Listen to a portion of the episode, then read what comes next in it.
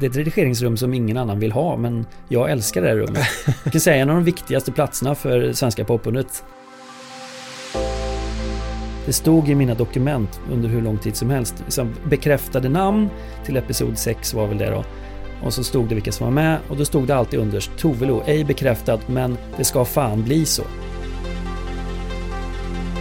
Ibland så är det ju så att jag är mer påläst på historien än den jag sitter med.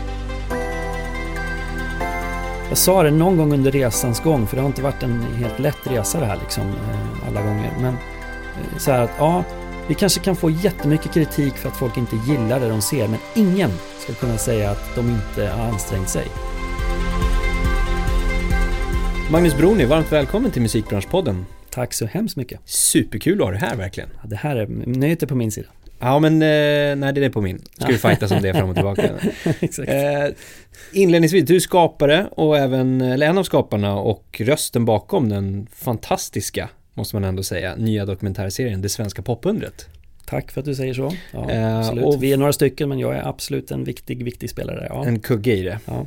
Eh, och för den som inte har, den som lyssnar på det här nu och inte har sett det här och fortfarande lyssnar på det här avsnittet så kan man få pausa nu, eller det är ett måste att pausa och sen kolla igenom de här sex avsnitten. För det är ju obligatoriskt material för den som på något sätt ska vara aktiv i musikbranschen tycker jag. Vad skönt att du sa det. Ja. Men, vi, ja, ja. ja. men, så får man komma tillbaka sen eh, och, och, och lyssna vidare. Vilken lysande idé. Precis så tycker jag ni ska göra. Ja. Det kan inte vara många som inte har sett den, men Nej, men de som lyssnar på det här, där tror jag faktiskt att väldigt många, om de inte har sett det så har de hört om det av andra och kanske rent av eh, i alla fall sett brottstycken, ja. tänker jag. Och eh, jag tänker bara säga inledningsvis nu, så, så våra studenter här på DMG Education jobbar just nu med en kurs som heter kommunikation. Mm. Eh, eller några av våra studenter. Där vi bland annat går igenom skriftlig etikett och skriftlig kommunikation. Och jag tänkte på det när jag eh, pratade med dig, eller när jag kontaktade dig. Mm. Så gjorde jag det via Facebook Messenger. Eh, för att sen prata vidare på telefon. Men det var liksom Exakt. den första introduktionen. Eh, och jag tänker så här att jag är inte alls i samma liga som dig när det gäller att ha pratat med folk i branschen nu och ändå fått till intervjuer och sådana saker. Jag vet att det är ett tufft jobb dock. Mm. Eh, Det kräver väldigt mycket tid. Och jag försöker ändå bara få till en person varannan vecka. Mm. Eh, hur har det gått till i, om vi börjar med den, men eh, svenska popundret nu då. Ni har haft ett 40-tal Ja, exakt. liksom Drygt 40, personintervjuer. Hur, hur har ni lyckats få kontakt med alla personerna här? Ja. alltså dels är det ju såklart ganska skönt att ha, man ringer ändå från, eller ringer eller hur man nu gör, ringer eller faktiskt går via inofficiella trådar som du pratar om här med Messenger och så vidare. Men vi har ändå SVT i ryggen. Vi har ehm, eh, bara, bara det att man känner att man har riktigt, riktigt rent mjöl i påsen när man hör av sig gör ju att man eh, och att vi har liksom så att säga en bra produkt om man säger så då. Ja. Eh, Men det vet ju inte de Nej, det gör de inte. innan Men de, de, jag tror så här att många eh, utav de artisterna som tillhör det lite äldre gardet, de, eh, för de betyder Sveriges Television någonting. Mm. Det tror jag. Mm. Eh, det finns en viss tyngd i det. Det behöver inte bara vara bra det betyder egentligen, men ändå, de kanske lyssnar då. Eh, och sen så har vi ju genom att, vi som har gjort den här serien har ju tidigare gjort eh, Musikbyrån, De kallar oss artister och Hitlåtens historia, bland annat. Mm. Och det, det är klart att det är program som många av de här faktiskt redan har varit med i någon Mm. gång. Och kanske förhoppningsvis varit hyggligt nöjda med det då. Eh, så att det, det är ju det liksom, redan där har man ett försprång liksom. Ja. Det är inte Janne Gislaved som ringer och säger jag skulle vilja göra en intervju liksom, utan det är och såklart också att man, vi hör ju av oss till gatekeepers om det är PR-personer på ett skivbolag eller managers eller vad det nu är. Och ibland så når man inte fram ändå. Eh, och alla kommer inte med, men de flesta är med. Så det har ändå blivit lättare och lättare med åren kan du säga. Ja, Eh, men, och det är viss skillnad faktiskt. Ja, det har det blivit lättare. På ett sätt är det faktiskt svårare med åren. För en gång i tiden om jag backar ja men kanske 10-15 år sedan mm. så kände man som man ringde till ett skivbolag, då var de skivbolagen ganska många fler för det första eh, och sa så här, hej vi ringer från musikbyrån, vi, eller Sveriges Television, vi skulle vilja ha en intervju med vad det nu var för en utländsk artist som vi ville göra något med. Mm. Eh, eller rättare sagt, det kanske till och med var så att de kontaktade oss. Hej, vi har artisten X på, på ingång här, vill ni göra en intervju liksom? Mm. Eh, eller vi har en intervju i London, eh, där R.E.M. är i London, vill ni komma dit och göra en intervju? Ja, det kanske vi vill. Eh, och så har man gjort så då. Mm. Mm. Sen under några år så blev det så att man kände att man ringde från eh, SVT och så ringde man så fick man prata med någon eh, eh, lite yngre person. Eh, så bara kände man Hej hej vi ringer från Sveriges Television här. Jaha, och de kände som att de hade fullt upp och uppdatera Instagram liksom. Ja. Så man bara, ah, okej, vi betyder ingenting längre. Okej. Ja, men så tycker jag att det var. Men, men det, faktum är att det är mycket, mycket lättare att nå svenska artister Mm. för oss som har jobbat länge och har SVT och vårt så att säga rykte. Eh, vi har lite att falla tillbaks på. Mm. Mm. Eh, utan att sätta mig på några höga hästar liksom sådär. Men, men det tror jag faktiskt har eh, det, det hjälper till. Men eh, det är ett imponerande jobb i alla fall för att komma Mm. tillbaka till de här 40, liksom ganska djupa personintervjuerna och liksom ganska omfattande ändå. Men du, du ska veta att så här, några av de här, så här nya Det här är ett eh, hyggligt inofficiell story men Alltså vissa var, är så svårt att få tag på. Ja. Eh, så eh, en till exempel att, att Sara Larsson är med i det här programmet Det tycker jag är, är självklart. Eh, men att det blev ny intervju, vi åkte och fick träffa henne i Milano när hon skulle eh, för, förband till Ed Sheeran liksom på San Siro. Och det är ju för att eh, jag krockar med Ola Håkansson när han är ute och rastar hunden på morgonen liksom. Nej. Jo, det är sant, för det, det, det var inte så att man från TEN inte ville att det skulle hända, men det är så mycket utländska management inblandade i Som de måste här. gås igenom först. Ja, exakt. Ja, Och då helt enkelt så, ja, där möts vi i Valhallallén helt enkelt. Jag är på väg till jobbet, han är ute med hunden och så bara, hundarna, förlåt. Eh, tack Ola för det. Eh, och, och så bara, äh, men det är klart vi måste få det här att hända liksom. ja. Hade han, var han med, liksom klar att vara Då med hade jag redan gjort intervju med honom faktiskt. Ja, okej. För det Mm. gjorde jag ju långt innan. Det är episod två som han är med i. Och ett också lite för all del. Mm. Och sen är det här, var ju det här då till den sista eh, delen. Mm.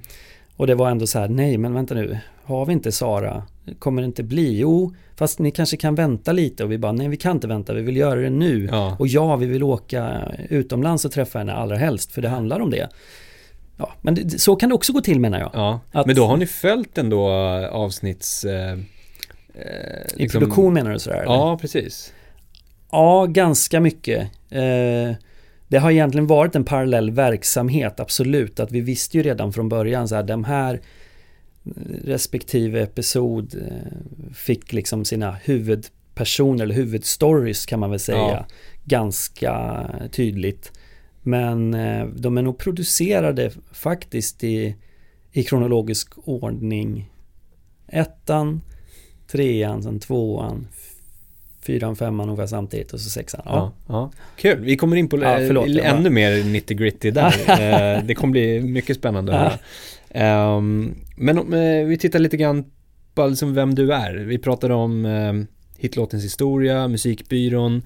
Kommer du ihåg den första, första musikjournalistikjobbet du gjorde, så att säga?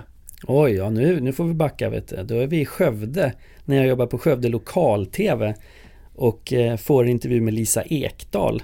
Hon spelade i Skara. Det är sant. Det är den första artistintervjun jag gjorde med, jag hade kanske gjort några så lokala TBV-band i Skövde Mm. innan, som spelar hårdrock. Var du Eh, nervös när du gjorde den? Lisa Ekdahl, åh Ja. herregud. Shit. Det, var ju, det här är också gissningsvis 94, jag tror att hon slår igenom 93 med den här Vem vet. Mm. Så jag gissar att det här är på vårkanten 94. Jag tror det. Eh, ja men herregud vad nervös jag var.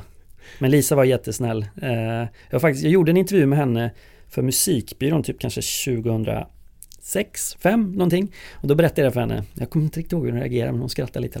eh, Men eh, den blev bra i alla fall? Den, Ja, den sändes det, ja absolut, men det här är, du vet, det är så här upp, öppna kanalen stämning liksom. Ja. Så det är så himla indie, eller vad man ska kalla det. Ja. Eh, men absolut, det var första tv-skolan också, att jag liksom höll på med att göra just musik-tv. eller det var någon form av, eh, vad ska vi kalla det, wannabe ungdomsprogram, alla, alla sådana här, eh, de här programmen som gjordes i Växjö då på 90-talet med eh, ja, vilka nu som var programledare på den tiden. Men, men det här var ett liknande sånt, fast, och musik var ju såklart en viktig del.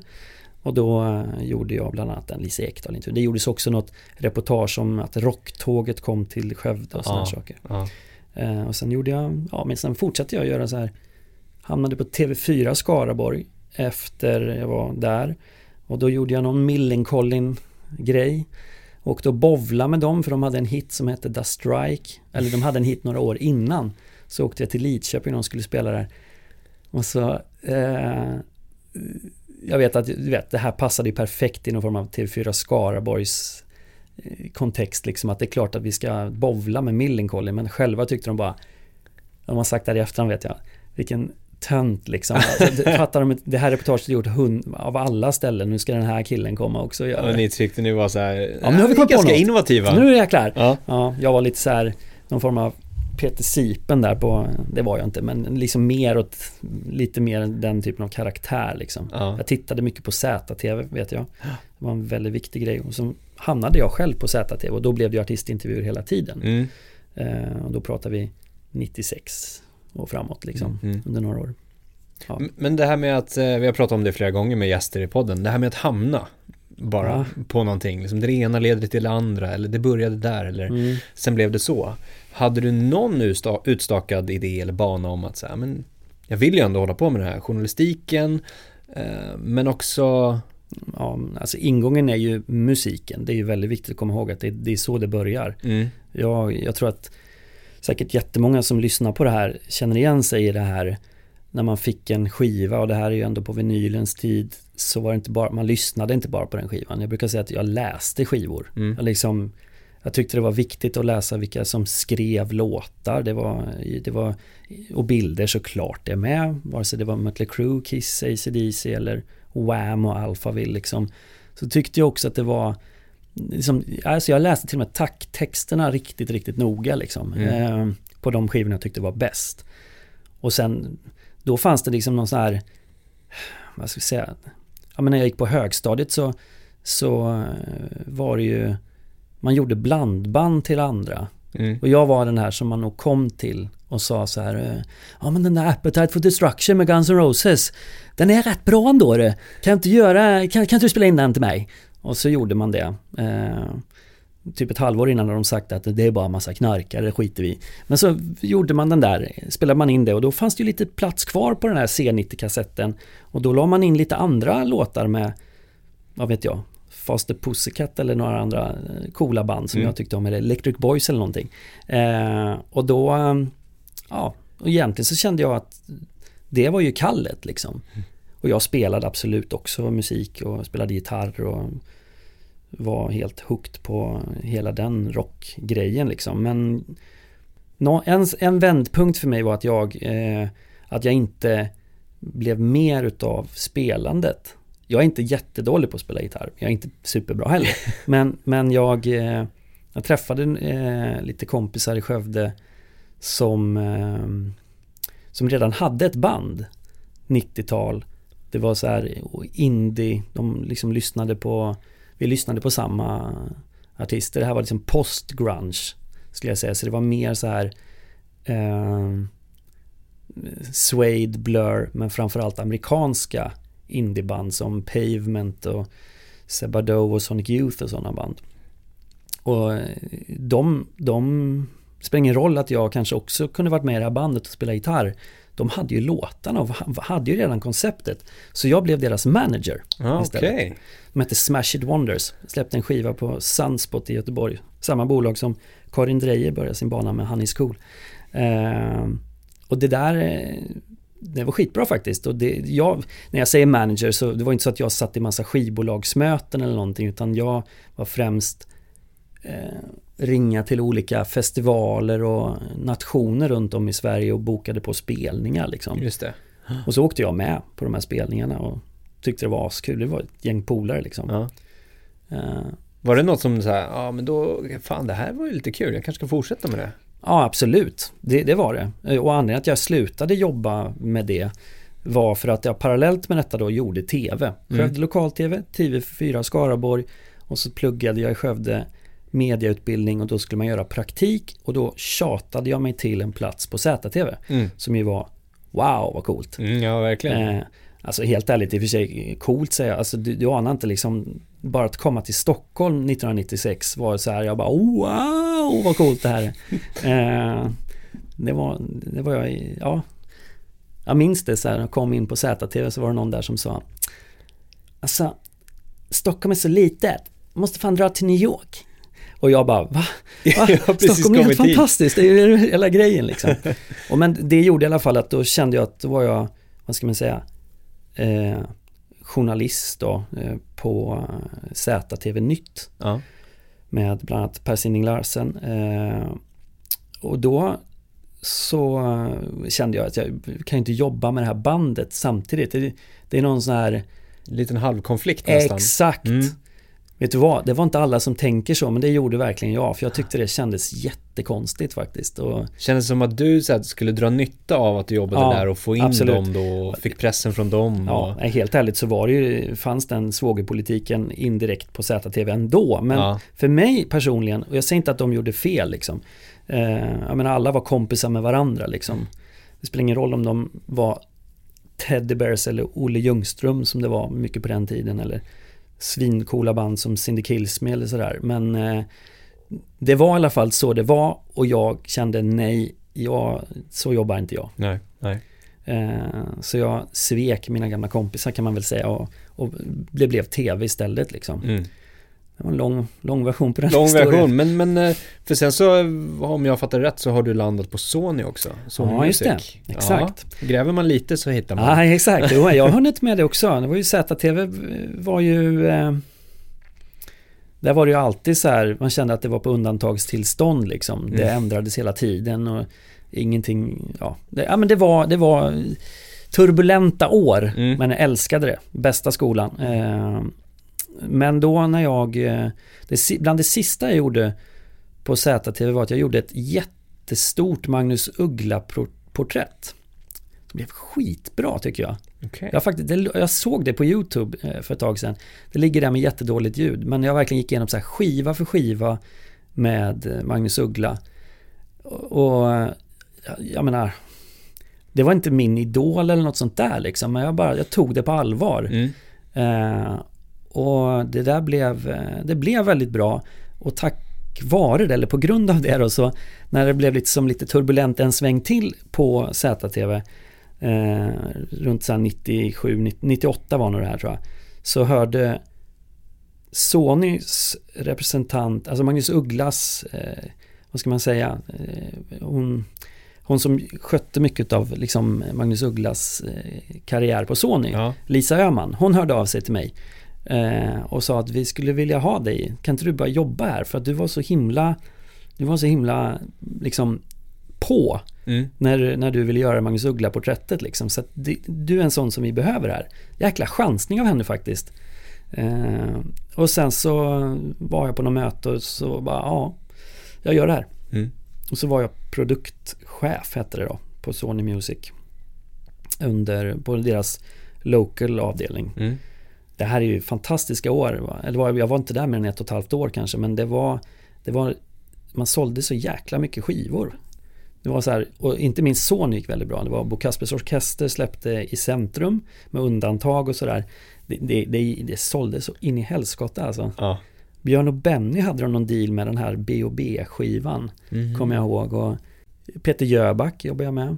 Eh, och ett band som heter The Motorhomes. Alltså det var jättespännande år. Jag ångrar inte det minsta att jag har varit på ett skivbolag och sett lite hur det funkar på den sidan staketet. Precis, har det gett dig lite mer liksom, kött i ja. det andra det du gör nu då? Det, det, är jag helt övertygad om att göra. Kontakter och också ja. att jag själv eh, förstår lite. Ibland kanske lite för mycket för när jag gör tv så är det jag som lätt fastnar i branschgrejerna. Ja, okay. Då brukar jag få kollegor som inte har jobbat på skivbolag som säger eh, som är också lite längre ifrån branschen som bara, nej men det där, det, nu blev du bransch igen Magnus. Liksom. Ja, och det går liksom inte hem nej. i stugorna. Nej, det är inte riktigt, det är inte det som är vårt, nej precis, det är inte den tittaren vi ska rikta oss till. Nej. Men så, de hörde av sig från musikbyrån eh, var det faktiskt då, från SVT. Och då sa jag faktiskt nej först. För att jag hade börjat jobba med det här bandet, The Motorhomes. Så kände jag att nu jobbar jag med någonting som ligger mig väldigt nära rent vad jag själv brinner för. Mm. Men så märkte jag, du vet, de kom från Hultsfredsfestivalen och skulle liksom så här eh, fråga Vad har ni för grejer på Sony som vi skulle kunna boka till festivalen i sommar? Och då satt jag där och sålde in Flaming Lips som ligger på Warner och sådär för att jag För jag bara gillar musik liksom. Men jag förstod ju själv att det här är ju, det går ju inte. Eh, så, då, och jag, så jag ångrade mig rätt mycket när jag hade, att jag hade tackat nej. Och sen när de ringde igen och frågade så här, ja men är du säker på, skulle jag bara, jo jag kommer. Typ. För jag, jag, ja det var faktiskt, det var rätt beslut liksom. Mm, mm. Jag tänker på det, när du går in i de här porträtten eller när du gör alltså allt från musikbyrån till hitlåtens Mm. historia till det här nu då, Mm. så behöver ni nörda ner sig på något sätt för att få kunskap om det och ställa eh, relevanta och rätta frågor. Ja, Är det det också tänker jag mig att det har blivit lättare med åren kanske att, att, att både göra den bakgrundsresearchen och också ha byggt upp den kunskapsbanken hos dig själv. För det känns som att du kan väldigt mycket om olika genrer och allt möjligt. ja men det är nog, alltså, om jag förr i världen kunde vara så här, jag kunde allt om Guns N' Roses eller Pavement liksom. Så kan jag mycket, är jag mycket bredare nu, men kan inte riktigt lika mycket om allt. Men jag vet, liksom kanske skaffat mig metoder för att för att gräva och söka. Mm. Eh, men också kommit till någon form av insikt sådär som är att ska det bli bra så får du fasen vända på varenda sten. Ja. Och när du har grävt riktigt, riktigt långt ner då ska du gräva lite till. För det är då du hittar de här grejerna som gör att den som sitter och tittar på det här den säger Oh fan, det hade jag ingen aning om. Mm. Och det är alltid målet. Mm. Eh, att, det, att den som tittar hemma ska bli överraskad, inspirerad och, liksom, och underhållen såklart och lära sig någonting. Mm. Så här då, om man eh, gör ett så här jättemastodontprojekt som det svenska popundret så har vi ju som har gjort det här, vi är ju några stycken liksom, då har vi ju med oss massa kunskap och erfarenhet från att vi har grävt i flera år i SVTs arkiv och i andra historier som sen, hmm, det finns en parallellhistoria här. Mm. Och alltså, när man gjort hitlåtens historia som är då 28 och 30 där man berättar historien om en låt. Eh, då, det finns ju, jag har ju aldrig klippt ett program och känt, ah, men jag får fylla ut med lite. Utan det är nästan, den första klippningen är ju nästan alltid 50 minuter. Ja. Och sen är det en massa saker som bara, vi får nog skita i och öppna den där dörren. Ja. Surt, för det vore kul om man fick berätta det också, men nej. Det får vi inte plats med. Nej. För så är formatet. Ja. Men har det, jag tänker på nu då, eh, Svenska popundret, att det är ju ännu mer, alltså det är så sjukt mycket, det sträcker sig under en väldigt lång period, Ja. det är så många nedslag.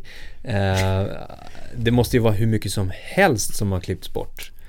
Ja, det är det ju faktiskt. Eller man har valt, liksom, ja men klippts bort med, eller fått liksom på ett tidigt stadie Ja, ta bort. Alltså det är så, jämförelsevis då med hitlåtens historia så blir det som att där kan det vara så här, fem personer ungefär är med i varje, varje program ja, och berättar om, histor- tecknar historien om en låt eller någon form av öde och artistkarriär. Eh, I popundret är det nästan bara en person som berättar respektive historia. just det. Eller en person är det inte riktigt för det är typ två personer för det är ju även jag som är någon form av berättarröst. Mm. Eller den då som är inslagsproducent som har skrivit även om det är jag som sen läser det. Eh, Så det, det är inte riktigt hela sanningen att det bara är eh, om vi tar det är inte bara Per Gessle som berättar historien om, om Roxette utan då är det ju jag och Per Gessle och allt arkivmaterial. Liksom. Ja, ja, Eh, Det är klart att det är ju Det finns så många sidospår som skulle vara kul att plocka in de där personen som du knappt ens visste att du ville se exakt. som, som tecknar historien. Eh, ett exempel, vi berättar om Secret Service får en hit med Oh Susie. Eh, det är två DJs som är jätteviktiga för att det ens blir en Susie överhuvudtaget. Och jag pratade med den ena av dem. Eh, det hade, varit, hade vi gjort hitlåtens historia hade det varit klockrena personer. Självklart att de ska vara med i att bli intervjuade. Ja. Men här så bara, nej det får bli Ola för det, vi, det får inte plats helt enkelt. Nej, nej. Men jag, jag tänkte på en inspiration apropå att gräva som jag gärna slår ett slag för. Det är att jag läste en bok för ganska många år sedan. Den, hon vann nog säkert något pris för den. Det är Bea, vad heter hon? Bea Osma heter hon va? Hon har skrivit en bok eh, som handlar om André-expeditionen. Hon, historien är att hon är på en fest och tycker inte det är så kul så hon bara plockar ut en, en bok ur, ur, en bokhylla. Och där så handlar det någonting om André och hon bara, men hur var den här historien egentligen? Så hon börjar liksom gräva i det här. Hon gräver ju så djupt i den här historien så att hon idag har ju ändrat hur historien är tecknad om Andrés luftfärd till Nordpolen och såna här saker. Alltså jag läste den, men alltså jäklar vad glad och inspirerad jag blev av att läsa den. För ja. att jag bara sa det är precis så här jag tänker när man ska göra program. Jag, jag ändrar inte historien om Andrés luftfärd för det, men att man så här, som jag sa där, man gräver så djupt man kommer och när man har grävt dit ner, då ska man gräva lite till alltså. Mm, mm.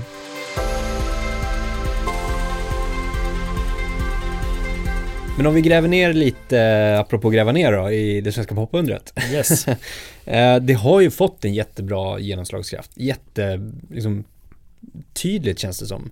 Eller så är det jag som är mer insatt kanske och har läst mycket om det den här gången. Eh, men, men, men ehm, hyllningar har det varit. Mm. Hur, vad har ni fått för liksom personlig respons? Vad har ni fått höra? Mer än liksom det som har skrivits? Alltså, eh, vi har genom åren alltid varit ganska bortskämda med bra ryggdunk. Mm. Inte minst från musikbransch och tittare i största allmänhet. Eh, så här att, ja men bra grejer, vi älskar hitlåtens historia. Jag vet inte, det är svårt att prata om cred, men i, i någon mån har det ja, har man känt i alla fall att så här, ja, men det här är uppskattat. Mm. Eh, men nu när vi gjorde det här så är det ju att det har ju nått ut på ett helt annat sätt. Mm. Det här har vi inte varit med om förut. Eh, så vi är lite i chock faktiskt. För att det är Ja, efter de första programmen hade jag ju liksom någon form av sms-tumme typ. Mm.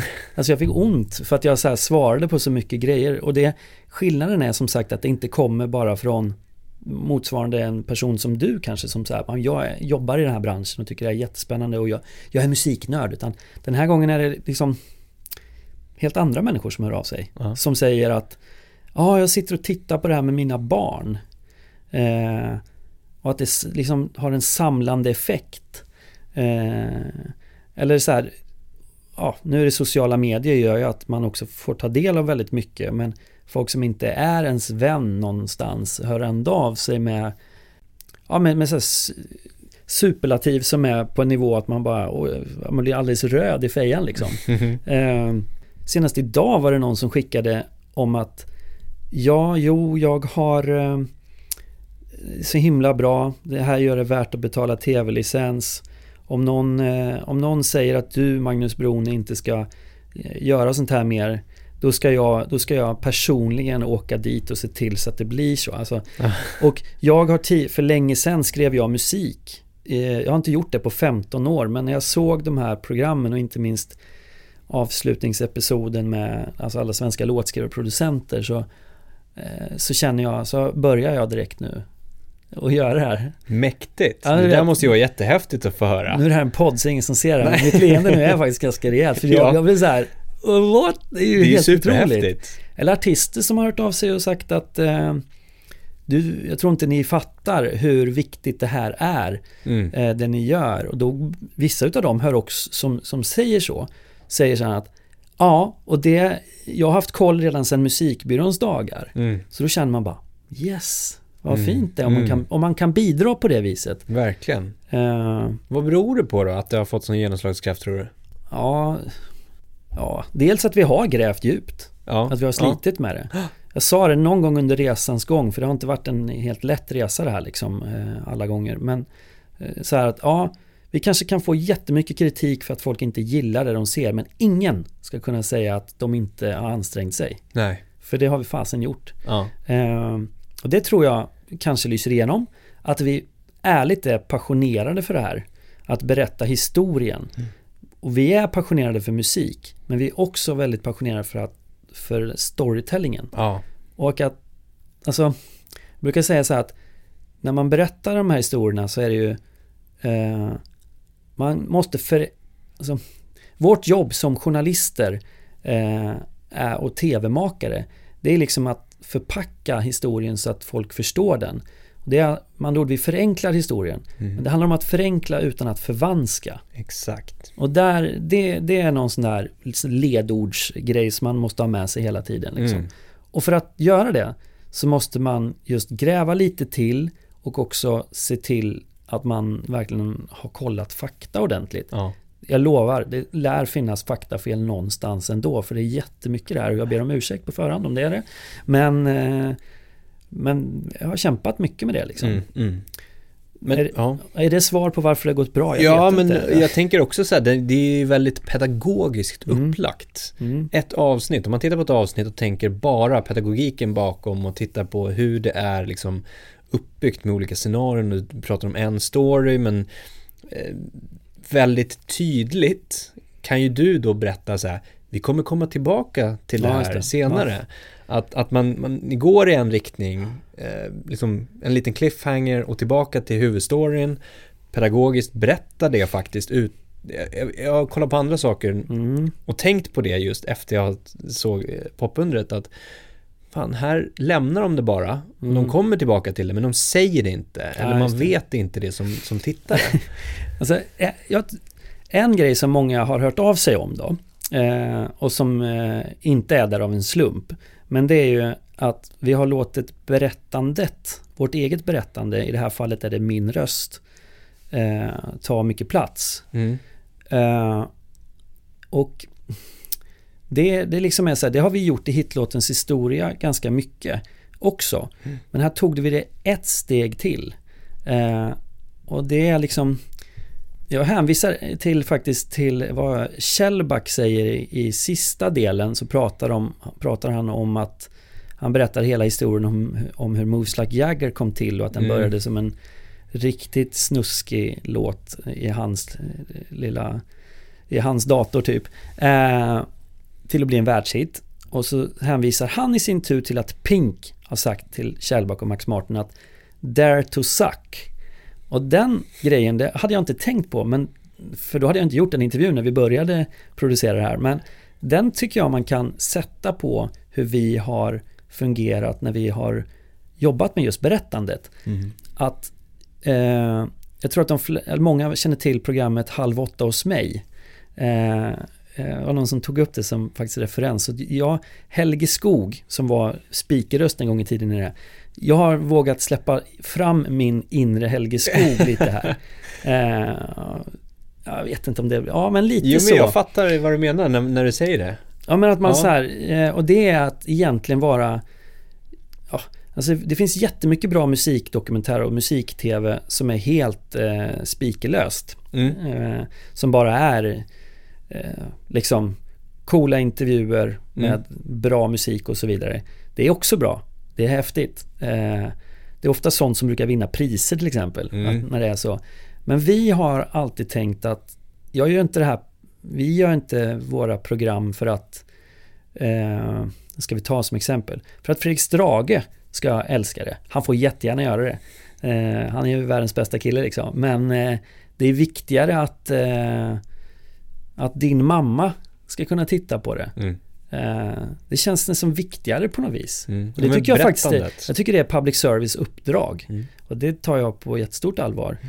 Och då, då är det bättre, då håller man tittaren bättre i hand genom att man eh, också berättar. Ja. Att man är med och hjälper till. Exakt. Och om det är att säga, vi ska snart återkomma till det, men Ja. Och jobba med dynamik blir lättare. Precis, ja exakt. För det är ju som du sa, ni, ni går in i, i, extrem detalj på vissa ställen. Ja, ja. Utan att tappa helhetsbilden också. Ja det, ja, det kanske är så. Ja. Alltså det, det, det är som du säger, ni har grävt, grävt, grävt, grävt och så kommer ni ner till någon sån här liksom, eh, slutet på den lilla storyn eller berättelsen. Mm. Men det är så liksom, detaljrikt. Mm. Men sen så utan att det blir konstigt så hoppar ni tillbaka till helheten. Um, och man som lys- eller tittare förstår. Vilket är, alltså det, det är jättehäftigt. Det är ju fantastiskt att du säger så. Och en del av det är ju för att vi har gjort program så länge. Så att det har Exakt. bara växt fram den här eh, metodiken eller vad vi ska kalla det. Eh, och vi hade en tanke att vi skulle, vi har jobbat jättelänge med det här, i ett och ett halvt år gjorde vi det ungefär.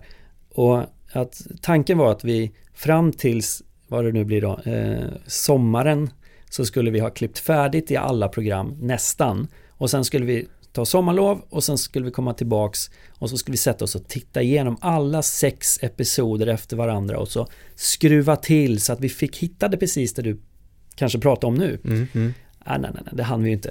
Vi satt ju, vi satt ju och klippte in, verkligen in i kaklet. Jag Ja. klippte verkligen de sista sakerna eh, precis när det sändes liksom. För allt boxpublicerades, allt gick ut direkt. Ja. Eller samtidigt. Eh, och då, då kände jag så här, shit, vi har inte ens, jag har i alla fall inte tittat igenom alla, jag har sett alla program, jag har inte sett dem så att säga som en helhet. Nej, Och det har ju massa folk gjort exakt. nu och gillar det här. Jag, jag eh, tänker inte vara så blygsam så jag säger att det är en slump Nej. att, att man känner de här sakerna. Men däremot så, så kände ju jag då att ja, shit, det kanske kunde gjort ännu mer av det egentligen. Men eh, av helheter och sådär. Men folk verkar uppfattat det som en serie liksom. ändå. Ja, och då, så där kan du säkert alltid tänka som kreatör. Ja. Eh, att, att vi skulle kunna gjort det här och tweaka till det och det och det. Men det är ju erfarenheter som du säger, som, Ja. som har ändå någonstans, eh, som är ryggraden i det, som har fått det till att det är som det är. Har ni, är allt liksom tänkt redan innan ni genomför intervjuerna? Eller kan det dyka upp saker, en tråd som så här, ja, Kjellback sa det eller Gessle sa det och ja, men då måste vi spinna vidare på det i berättandet senare. Aj, absolut, det är ju, nej nej nej, det finns, det går inte att teckna hela den här historien helt, så att säga, skriva hela grejen innan. Nej, Det kanske hade gått och det kanske faktiskt hade varit smartare för oss för då hade det varit gått lite snabbare att nå målet. Det här var ganska jobbigt nu. Men eh, herregud, jag är ju så här, intervjuerna ibland är ju, jag tror de flesta intervjuerna är över två timmar långa liksom. ja, Eh, och då, då menar jag att det är ju, det är därför de blir bra. ja, För att, eh, eller rätt sagt, det är därför den som blir intervjuad blir bra.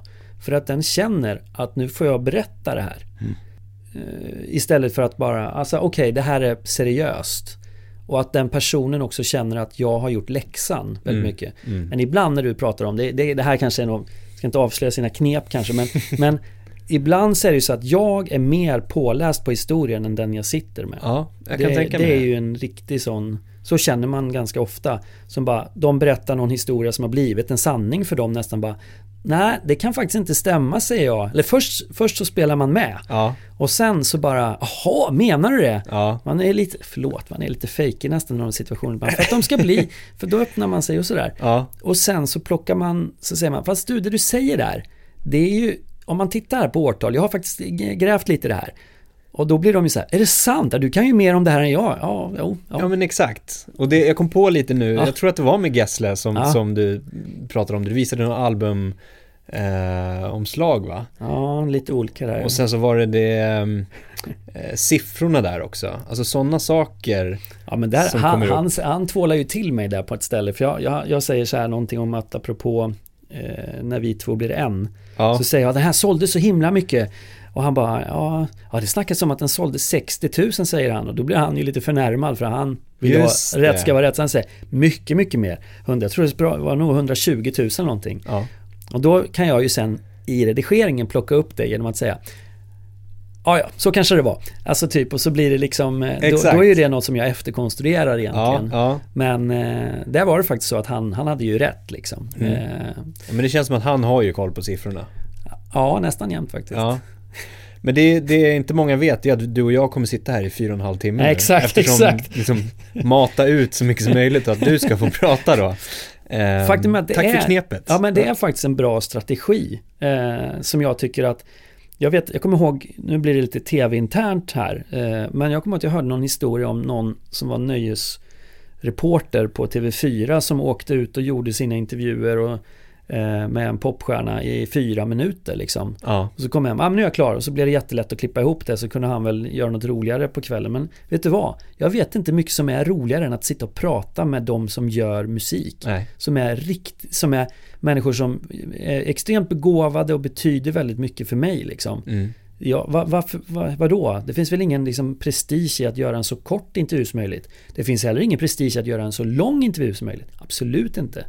Men jag tror att det i alla fall är en av nycklarna till att de här, eh, att, att det känns som att man får bra kontakt med artisten helt enkelt. Ja. Och att om du pratar lite längre, då har du också tid att så att säga hämta upp. Du, du har tid, du har råd att eh, vara lite ful och tuff mot dem. Mm. För du kommer också plocka upp det sen. Mm, mm. Shit vad jag, nu är det som att jag sitter med någon sån här eh, intervjumetodiks tv-skola ja, här. Men... verkligen. Man kan lära sig hur mycket som helst.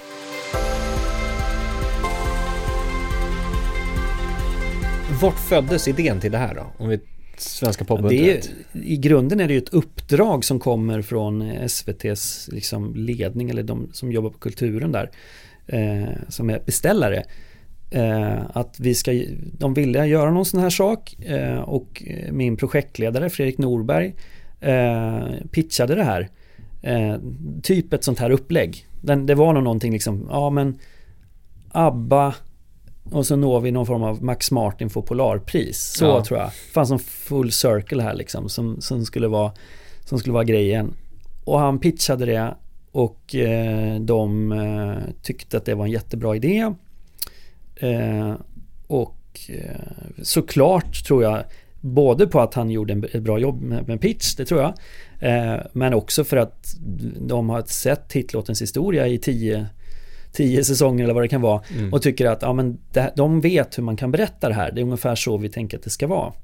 Men ska jag vara helt ärlig så eh, jag själv och eh, Håkan Törn som är en av kollegorna, vi, vi har pratat om det här mycket efteråt att vi när vi fick höra det här att ja, vi har fått det här. Mm. Du vet, då blev det många så här chefer som bara ryggdunk och sa fasen grattis.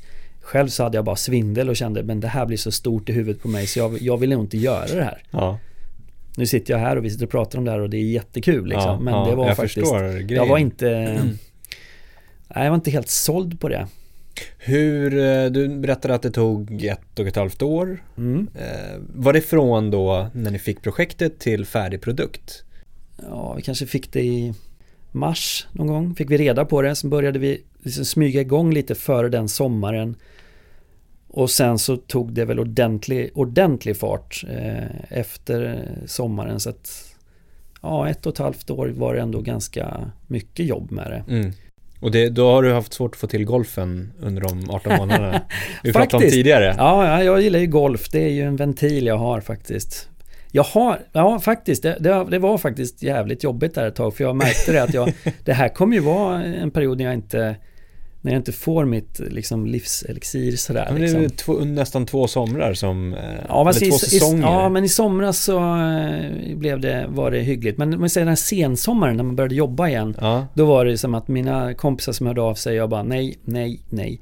Men när vi var färdiga där så fick, blev jag typ utkastad från jobbet. Jag har en redigering som heter Skrubben där jag har suttit hur mycket som helst. Är det en skrubb rent? Ja, den är liksom faktiskt väldigt liten. Det är, det, är ett rum, det är, det är ett redigeringsrum som ingen annan vill ha, men jag älskar det här rummet.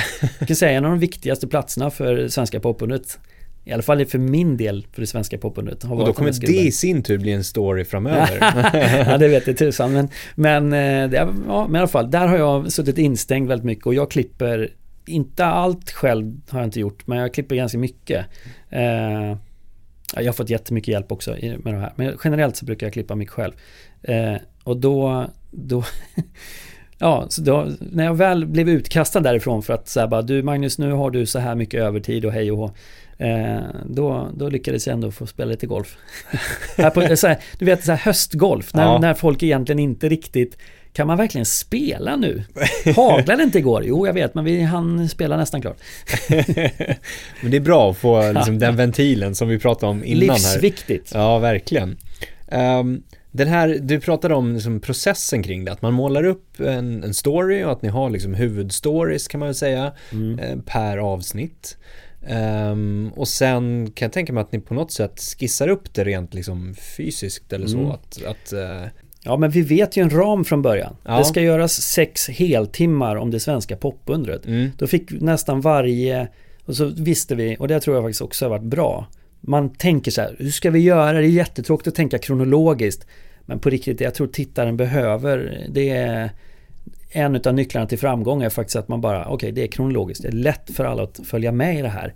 Eh, och då att man, då fick liksom varje episod fick nästan som någon liten titel. Ja, just det. De har hetat olika saker och jag minns knappt vad alla heter i sändning till slut. Men Generation Blockflöjt var en sån grej på episod 4 till exempel. Eh, Paradis för pirater, den levde länge.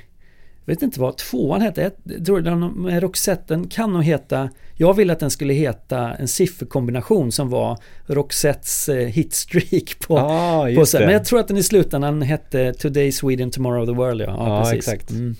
Ja men du hör ju. Ja.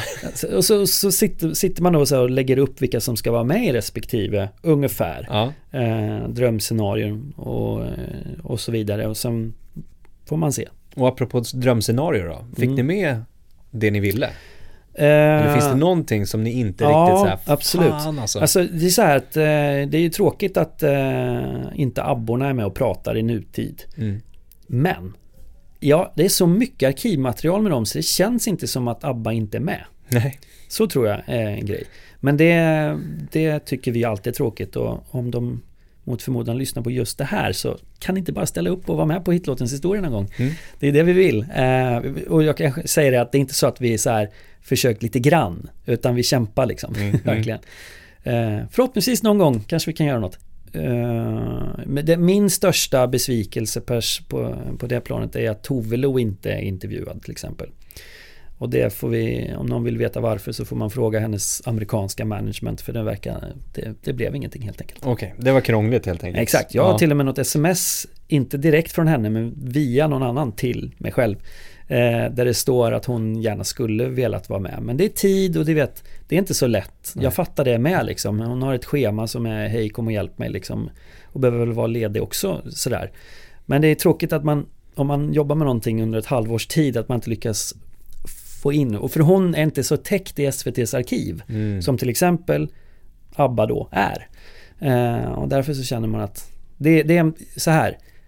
No hard feelings alls. Eh, och det blev jättebra ändå ju. Men personligen så, vill, så känner jag att det är en, eh, vad säger man? Det är något, eh, en förlust för mig mm. att inte hon är med. Mm. Det stod i mina dokument under hur lång tid som helst. Liksom bekräftade namn till episod 6 var väl det då.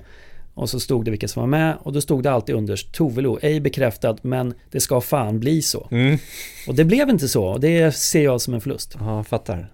Var det några av de där uh, som liksom kämpades in och som verkligen bara ja, nu satte vi den efter lång, lång övertalning eller eh, Jag var förvånad att Ash ställde upp. Mm. Inte förvånad men jag blev väldigt glad för att jag tycker det har ju liksom inte varit en helt Säkerligen ganska tufft för honom efter eh, att, eh, att Tim dör och så som de dokumentärerna som har funnits innan är gjorda mm. och hur de i efterhand Alltså jag kan inte den här historien så jag, det här är ju känsligt att prata om men jag, jag, kan ibland uppleva det som att hade jag varit producent för en sån dokumentär hade jag tyckt att det varit ganska viktigt att det framgår att det här är gjort innan.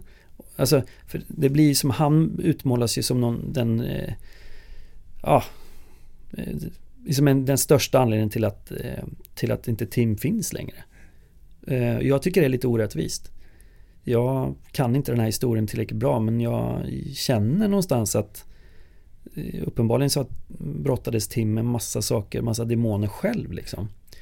Så jag tyckte det var väldigt starkt av Ash att, eh, att då vara med här. Eh, vi pratar ju inte om varför Avicii liksom inte, varför han dör. Det är, mm, det, är, det är, inte det här forumet i det här programmet. Absolut inte. Men det var något som jag vet att eh, Håkan Törn som gjorde det brottades mycket med. Mm. Fundera på hur ska man, man skildra det här? Ja. Och hur gör vi det och så vidare. En, en, en sån fin skalp tycker jag är att Thomas Ledin är med och pratar om att inte lyckas. Mm. Det kände jag att eh, det hedrar honom otroligt mycket. Och det är många som har sagt det till mig i efterhand. Jag kände det. Och det är väldigt många som har pratat med mig om det. Att så här, wow, vad coolt utav honom att han faktiskt gjorde det. För det är ju en anmärkningsvärd grej liksom. Mm, mm. Och där hade jag möte med honom innan och frågade honom så här. Så här, ja men vi ska göra, vi ska göra en serie om det svenska poppen och så här. Ja, men jag gillar det ni har gjort med hitlåtens historia och så där. Ja, och det, det här, nu ska vi fokusera på hur svensk pop har flygit ut i världen så här. Och hur det har blivit så bra och så där. Så är han tyst och så säger han så här, ja, men Magnus, jag gjorde ju inte riktigt det för mig. och jag bara så här, nej, det var just det. ja, men jag fattar, men jag kan vara med sen. Och jag tycker det var så jäkla bra. Ja, det är grymt. Och få den vinkeln på det hela, att, ja. att det var inte så himla lyckat nej. kanske. Nej, det är inte så självklart. Jag tror också det är viktigt att liksom att säga det. Mm. Att det inte är så här bara, ja, för ibland så framstår det lite som att eh, bara för att ABBA lyckades så kom alla direkt efter. Men trenden mm. i Sverige var en helt annan liksom. Och ja. Politiska stämningar och, och, att det faktiskt är svårt. Mm, mm. Sen vet jag inte om Thomas Lin hade tillräckligt bra låtar i slutändan. Det vet inte jag. Men jag, han hade faktiskt några låtar som jag lyssnat på i efterhand. Som jag inte ens kom ihåg från den tiden. Eh, som är riktigt bra. Vad fasen heter den där? Ja men som är på engelska helt enkelt som jag kände fanns den där borde kunna funkat alltså. Ja. Jag kommer inte ihåg vad den hette nu bara för Men det är lite så här den här slumpen också när Roxette eh, ja. slår igenom USA till exempel. Ja. Alltså en enda person. Underskatta aldrig ett bananskal. Nej, eller ett fan. Nej exakt, nej det ska man heller inte göra. Alltså, och, och tänk dig den relationen som de ändå byggde på något sätt på distans till det här fanet. Ja, det är fint. Nu, vi, vi pratade lite grann innan om det här med produktionskvalitet mm. och vi mm. pratade om kamera och ljus mm. och, och, och, sådär. Um, blir det viktigare, för alla har ju tillgång till den här uh, tekniken ganska billigt ändå. Mm. Och man kan klippa och klistra och allt möjligt i datorn. Och folk gör efteråt. det. Och folk gör ja. det. Uh, och folk är vana vid att konsumera det. Mm. Blir det då viktigare och viktigare för er uh, och dig som musikjournalist att berätta snarare än produktionskvaliteten? Eller måste ni också ha en ja, men, ett snäpp upp med produktionskvaliteten? Ja, helst, helst, men det är ju intressantare att det, det storyn trumfar alltid, alltså någon form av autenticitet trumfar ja. alltid. Så det spelar egentligen ingen roll hur snyggt det är om det inte är liksom, eh, om det inte finns ett innehåll där. Nej. Jag brukar säga det att Ibland så, så här, man berättar någon historia som utspelar sig i, i vi säger New York. Eh, någon gång man gör något låtporträtt om någon låt som är från 85 där de har varit i New York och som det här, har det varit viktigt. Och så är man i New York och gör en intervju så passar man på att ta nya coola bilder på det här. Du vet, det är det här stället, det är ju här i Brooklyn Bridge och så får vi det. Och sen så kommer man hem och så hittar man några ganska halvrisiga VHS-aktiga bilder på eh, Brooklyn Bridge från 1985, från rätt tid, som mm. egentligen är från ett nyhetsinslag. Så bara testar man att klippa båda och bara det är de som vinner, de dåliga, den dåliga kvaliteten vinner alltid för du får känslan är rätt liksom. Mm, mm. Ja, ja, det tycker jag är, är eh, och sen så är det så här att alla kan göra någonting, alltså blir det ju som att när allt är liksom tillgängligt ett knapptryck bort mm. så blir det kanske ännu viktigare med att ha filter och gatekeepers som man så här som väljer åt den och det är ju inte en recension idag. Det har vi liksom pratat mycket om nu på slutet att det inte Det är det för vissa tror jag och de fyller en jätteviktig funktion som skriver om det här men Det är inte riktigt det som gör Som bestämmer vad du vill liksom lyssna på Nej. på något vis. Nej. Kan, kan det handla mer om, för nu som vi sa, det är liksom fler och fler artister, låtskrivare dokumenterar själva också ja, processer i, i, i, studio och allt möjligt. Och, och eh, lägger upp det själva som vloggar och allt möjligt. Om det är för att de, vissa, man kan tänka att vissa är så här, det här är smart, det ska vi göra. Mm. Men en hel del av de här, det är bara, det är en icke-fråga, det är bara självklart man dokumenterar saker man gör. Ja, för precis. att de har sin, tele, sin, sin smarta telefon där med, och, och hyggligt bra eh, en hyggligt bra kamera eller något sånt där och bara ja. kör. Kommer det då bli viktigare att kurera det här innehållet som ja. du sa och välja ut framöver i, i framtida berättelser? Vi, vi, säger att vi ska göra en um, Svenska popundret om 40 år. Ja, precis. Uh, hur är materialet från 20, hur är materialet då? då? Och, och uh, mer använda sig av liksom Det kommer finnas mer material kanske? Ja, kanske, men så kommer du inte hitta någonting för Nej, allt det där. Precis. Ja, det, så kan det faktiskt vara. Uh, Ja, det, jag tror det. det är liksom hur man väljer att förpacka det här materialet då. Ja, Som precis. Är, det, där finns det klassiska historier om folk som har följt ett gammalt band som Soundtrack of Our Lives i 20 års tid nästan gjorde de. Men det blev ju aldrig någonting. Hallå, vad är allt? Jag har följt dem och det finns en massa material men vart är det då? Mm, mm. Kanske dyker upp nu i någon, den här Union Carbide-filmen kanske som jag tror ska göras. Eh, ja men du vet, så tänker jag ibland att det, det, kräver ändå Det är inte bara att vara på plats och filma lite. Eh, utan du måste också sen göra något med det här. Och det är klart att det klipper inte sig självt. Nej. Utan det är en jäkla massa jobb i det. Mm. Och kanske att attention spanet hos lyssnaren eller Mm. tittaren blir ju kortare och kortare. Ja, Och men där, där fanns det en sån här trend. Det har hetat så här, i alla fall inom eh, i, på, mitt, på min arbetsplats på SVT så tycker jag att det eller det tror jag är tv stort, att det har varit så här snack om att eh, saker måste vara korta, vi måste göra så här korta grejer. Och det är ju som du märker när vi pratar inte mitt format att vara Nej. kort. Jag vill hellre liksom lägga ut text och, och sådär. Och det tycker jag vi gör i till exempel en serie som Popundret eller Hitlåtens historia. Att det är tvärtom. Mm. Att vi faktiskt kan genom att gräva lite djupare kan liksom bli mer intressant. Det fanns en sån här grej om att om man gör eh, den tråkigaste journalistiken är den helt ytliga. Om man bara skrapar lite på ytan och pratar snarare bara om hur eh, artisten eh, hur Tovelo ser ut i en musikvideo. Det är ju värdelöst. Mm. Men om vi så gräver lite till och så pratar vi Men, men den, den är fortfarande ganska intressant för många den jätteytliga för den är så här lätt att konsumera. Wow, kolla! Jag såg på Instagram, wow!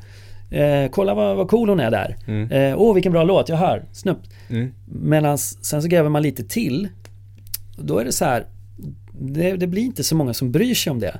Men om vi sen gräver riktigt, riktigt mycket istället och så fokuserar vi bara på hur hi-haten låter Mm. i eh, Gone eller någonting. Eh, då till slut, då blir det ju då blir det så här mikrogrej. Då blir det jättespännande för människor istället. Ja. Då, kan det till, då blir det bredare. Så tänker jag eh, att det är mycket i alla fall. ja, faktiskt. Den har du nog rätt i alltså när Mm. man tänker efter på olika format. Men du, sen tänkte jag på en grej du sa förut här om hur, hur branschen, bilden av den. Mm. När det var riktigt turbulent i musikbranschen där när det plötsligt inte såldes några skivor och det var Pirate Bay och allt vad det var. Så det är riktigt bra med det tyckte jag var att det satt massa gatekeepers på skivbolag och eh, det liksom gick till så här ungefär. Okej, jag är en artist som eh, skickar in en demo och eh, eh, mannen, för det var nästan bara män, eh, satt där på skivbolaget och sa ja men det här tror jag på och ville kanske stöpa om det lite. Många av de här är jättebegåvade de här som var A&Rs så att säga. Eh, men sen när det kom liksom ny teknik och det var lättare för folk att göra saker själva och det var heller inte så att säga såldes jättemycket skivor så att det, blev, det skakade på de här eh, skivbolagen, de stora eh, drakarna liksom. Så plötsligt så kunde det komma fram en ny form av artister som idag är faktiskt om inte jättebreda så åtminstone etablerade. Jag tänker liksom på en sån här som Jenny Wilson eller Frida Hyvönen, Annika Norlin säkert och mindre liksom lablar kunde komma fram. Mm. Det var så jäkla bra och du märkte väl att jag sa bara tjejer här. Mm. För det var precis det som hände tyckte jag. Att det blev, eh, det blev mycket mer tjejer Mm. som eh, inte behövde gå via farbröder som var ENRs på skivbolag. Mm. Utan nu plötsligt kunde de göra det själv. Det här kunde också vara, egentligen är det ju Salem Al Fakir gjorde ju så här med liksom. Eller i viss mån Anna Ternheim liksom. Eh, ja men du fattar lite vad jag Mm, menar. mm. Det tyckte jag var det, det var otroligt eh, uppfriskande något som hände och det här händer säkert jättemycket nu med svensk hiphop liksom. Ja, Eh, exakt. Där är det jättemycket så. Ja, och, och apropå det då, om du får säga lite om framtiden. Vilka historier kommer vi berätta i framtiden? Eh, om idag? Ja, den, den historien om hur eh, om hur liksom svensk eh, hiphop eh, har exploderat. Den tror jag inte bara är någon form av så här, det var bara en liten kort, det var bara en liten trend. Den Nej. tror jag ändå kommer vara eh, intressant. Ja, vad skulle det mer vara? Du, en sak som är nu, som är framåt, Ja. det är ju liksom hela metoo-grejen. Den tror jag Det är som om det där första steget var det Snacka om att det är när det skakade på skivbolagen och det var lättare för artister själva att så att säga inte de behövde inte skivbolagen utan de kunde säga här är min produkt, det här är min musik, kan ni hjälpa mig att få ut den? Mm. Eh, det var det som behövdes. De behövde inte hjälp med att, vad de skulle göra som artister. Eh, nu är vi inne i en sån där, det, det, den grejen bidrog till att det blev lättare för, eh, för fler kvinnliga artister att ta sig fram. Det, det är jag ganska säker på. Och det, det händer ju när vi kommer berätta framtida historien förutom svensk hiphop eller sådär så tror jag att även eh, det kommer finnas något före och efter metoo liksom. Mm. Eh, på en massa positiva sätt mm. såklart. Mm. Eh, exakt vad vet jag inte men det är ju verkligen en sån där sak som man märker ändrat ganska mycket. Mm. Kanske även för oss som är så att säga journalister som berättar om, som tecknar historien. Mm. Försöker alltid bära med mig det. Du vet så här Eh, den här bra boken som Anna-Charlotta Gunnarsson har gjort. Eh, hon tänker mycket på det och så här att det historiskt sett så brukar alltid kvinnornas kvinnorna har liksom lite skrivits ur historien. Eh, många gånger för att många snubbar tar för mycket, har tagit för mycket plats. Och om jag ska vara lite, tycker att kvinnor ska vara lite kritiska mot sig själva för att de också många gånger eh, skriver ur sig själva för att de inte vill vara med. Mm. För det är ju inte, det är ganska vanligt när man, att man så här, om jag ringer och frågar någon från förr, så att säga, som var med på 70-talet säger vi då. Eh, om det är en man så är man, ja, ja men, jo, ja, men jag kan vara med. Men du ska veta om det skulle vara en kvinna så är det, det är svårare. Mm. Det känns som att man får mer övertala då. Mm. Vilket oftast kanske finns någon djupare anledning absolut, till också strukturellt absolut. och hela den biten. Men då måste man, ja, ja, jag måste ta mitt ansvar och försöka ja, och kämpa. Ja. Och de måste också ta sitt ansvar genom att, ja men jag är med. Mm. För mm. det kommer verkligen visa upp, mm. visa en stor skillnad.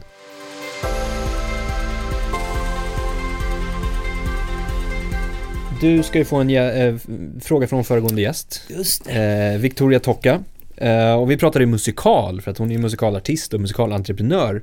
Och uh, hur tror du då att, att musikal som genre skulle mer kunna integreras med uh, den befintliga musikbranschen, alltså pop och rockbranschen kan man väl eh, kalla det.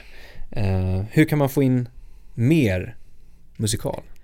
Ja, om man då tänker, samtidigt är det inte ganska mycket musikal i pop och rock just just nu? Eh, men då är det ju såklart baserat på att eh, pop och rockmusiken nu har funnits så länge så den är ju liksom någon form av eh, Jag menar, då tänker jag på Queen.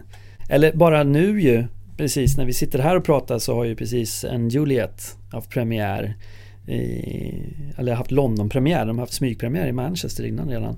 Men Max Martins alla låtar. Alltså det får man väl säga ändå är ganska mycket med i grejen.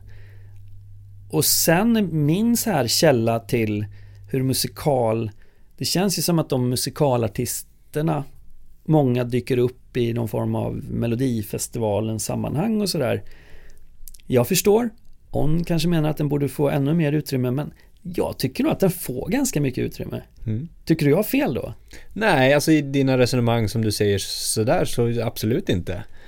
Um, jag hade ju med Andreas Karlsson också för ja. några avsnitt sen och han har ju också skrivit musik för musikal. Eh, och kommer också från liksom pop rock-hållet. Och, och, så att jag, jag tror jag, jag är med på vad du menar. Det ska bli jätteintressant att se. I alla fall, jag läste den här bra DN-artikeln där Max Martin blev intervjuad här eh, i förra helgen. Var det. Och då då så är det ju som att han pratar om att det är mycket så snack om hur storyn är i musikaler men inte hur det låter. Mm. Och han har brytt sig jättemycket om det, såklart. Mm. Det är han ju liksom mästare på. Eh, och det ska bli intressant att se om det liksom sätter en ny trend. Nu säger inte jag att det låter dåligt på musikal generellt liksom. För det vet ju inte jag eftersom jag inte tar del av musikal så mycket. Men ändå, det blir intressant att se om det liksom eh, Om det kan ändra på någonting liksom. Ja, ja. Men vi ska i alla fall börja avsluta här ja. nu. Eh, och du ska ju få ställa en fråga till just nästa det. gäst då. Just det. Uh, just det, nu ska vi ställa en fråga. Ett av programmen som jag de senaste tio åren jobbat allra mest med är hitlåtens historia. Vi berättar, det är precis som det låter, vi berättar historien om en känd hitlåt. 28 minuter om en låt. Eh, vi har såklart jättemånga på lager men om jag, du ska få möjligheten här nu att pitcha. Eh, säg en låt eh, som du skulle vilja att vi gjorde ett sånt här program om. Såklart med motivering varför. Bra. Och så får ni ännu mer material på det då. Exakt. Mm. Då kommer det sen bli det blir en sån här metasituation. så att ja, eftersom personen X satt i musikbranschpodden och eh, tar det här. Så nu, nu kommer det programmet. Nu kommer det. Ja, ja men exakt. Mycket bra. Det här kan bli bra. Det här kan bli jättebra. Ja. Vilket blir en story om 40 år. Ja, absolut. Alltså, ja, det blir Då satt de där, bra. vet du. du, Magnus, vad, vad händer nu framöver då? Jo, men vi har faktiskt precis eh, efter liksom vi är fortfarande lite i någon form av wow, lyckorus och chocktillstånd efter att vi får så mycket fin respons på popundret. Men vi har också samtidigt börjat blicka framåt och vi ska inte försöka så här direkt nu i alla fall följa upp det. För Nej. det är ett för stort projekt. Men då faller vi tillbaks på att vi gör nya hitlåtens historier. Mm. Eh, jag kan inte nu avslöja vilka låtar men vi har kommit en bit i processen och eh, eh, kan säga så mycket att vi kommer inte prata om svenska låtar som har funkat internationellt, vilket vi har gjort förut, eller för all del utländska internationella hits, utan vi kommer vara lite mer inne i vår egen, i vår svenska sfär och kanske till och med ha låtar på svenska. Mm -hmm. Spännande. Du Magnus, stort tack för att du eh, ville chitchatta lite. Det är så du kallar det. Jag säger så här. Stort tack för att du stod ut för att lyssna på mig så här länge. Det var mycket inspirerande ja, jag, jag var jättekul. Bra frågor. Roligt. Tack.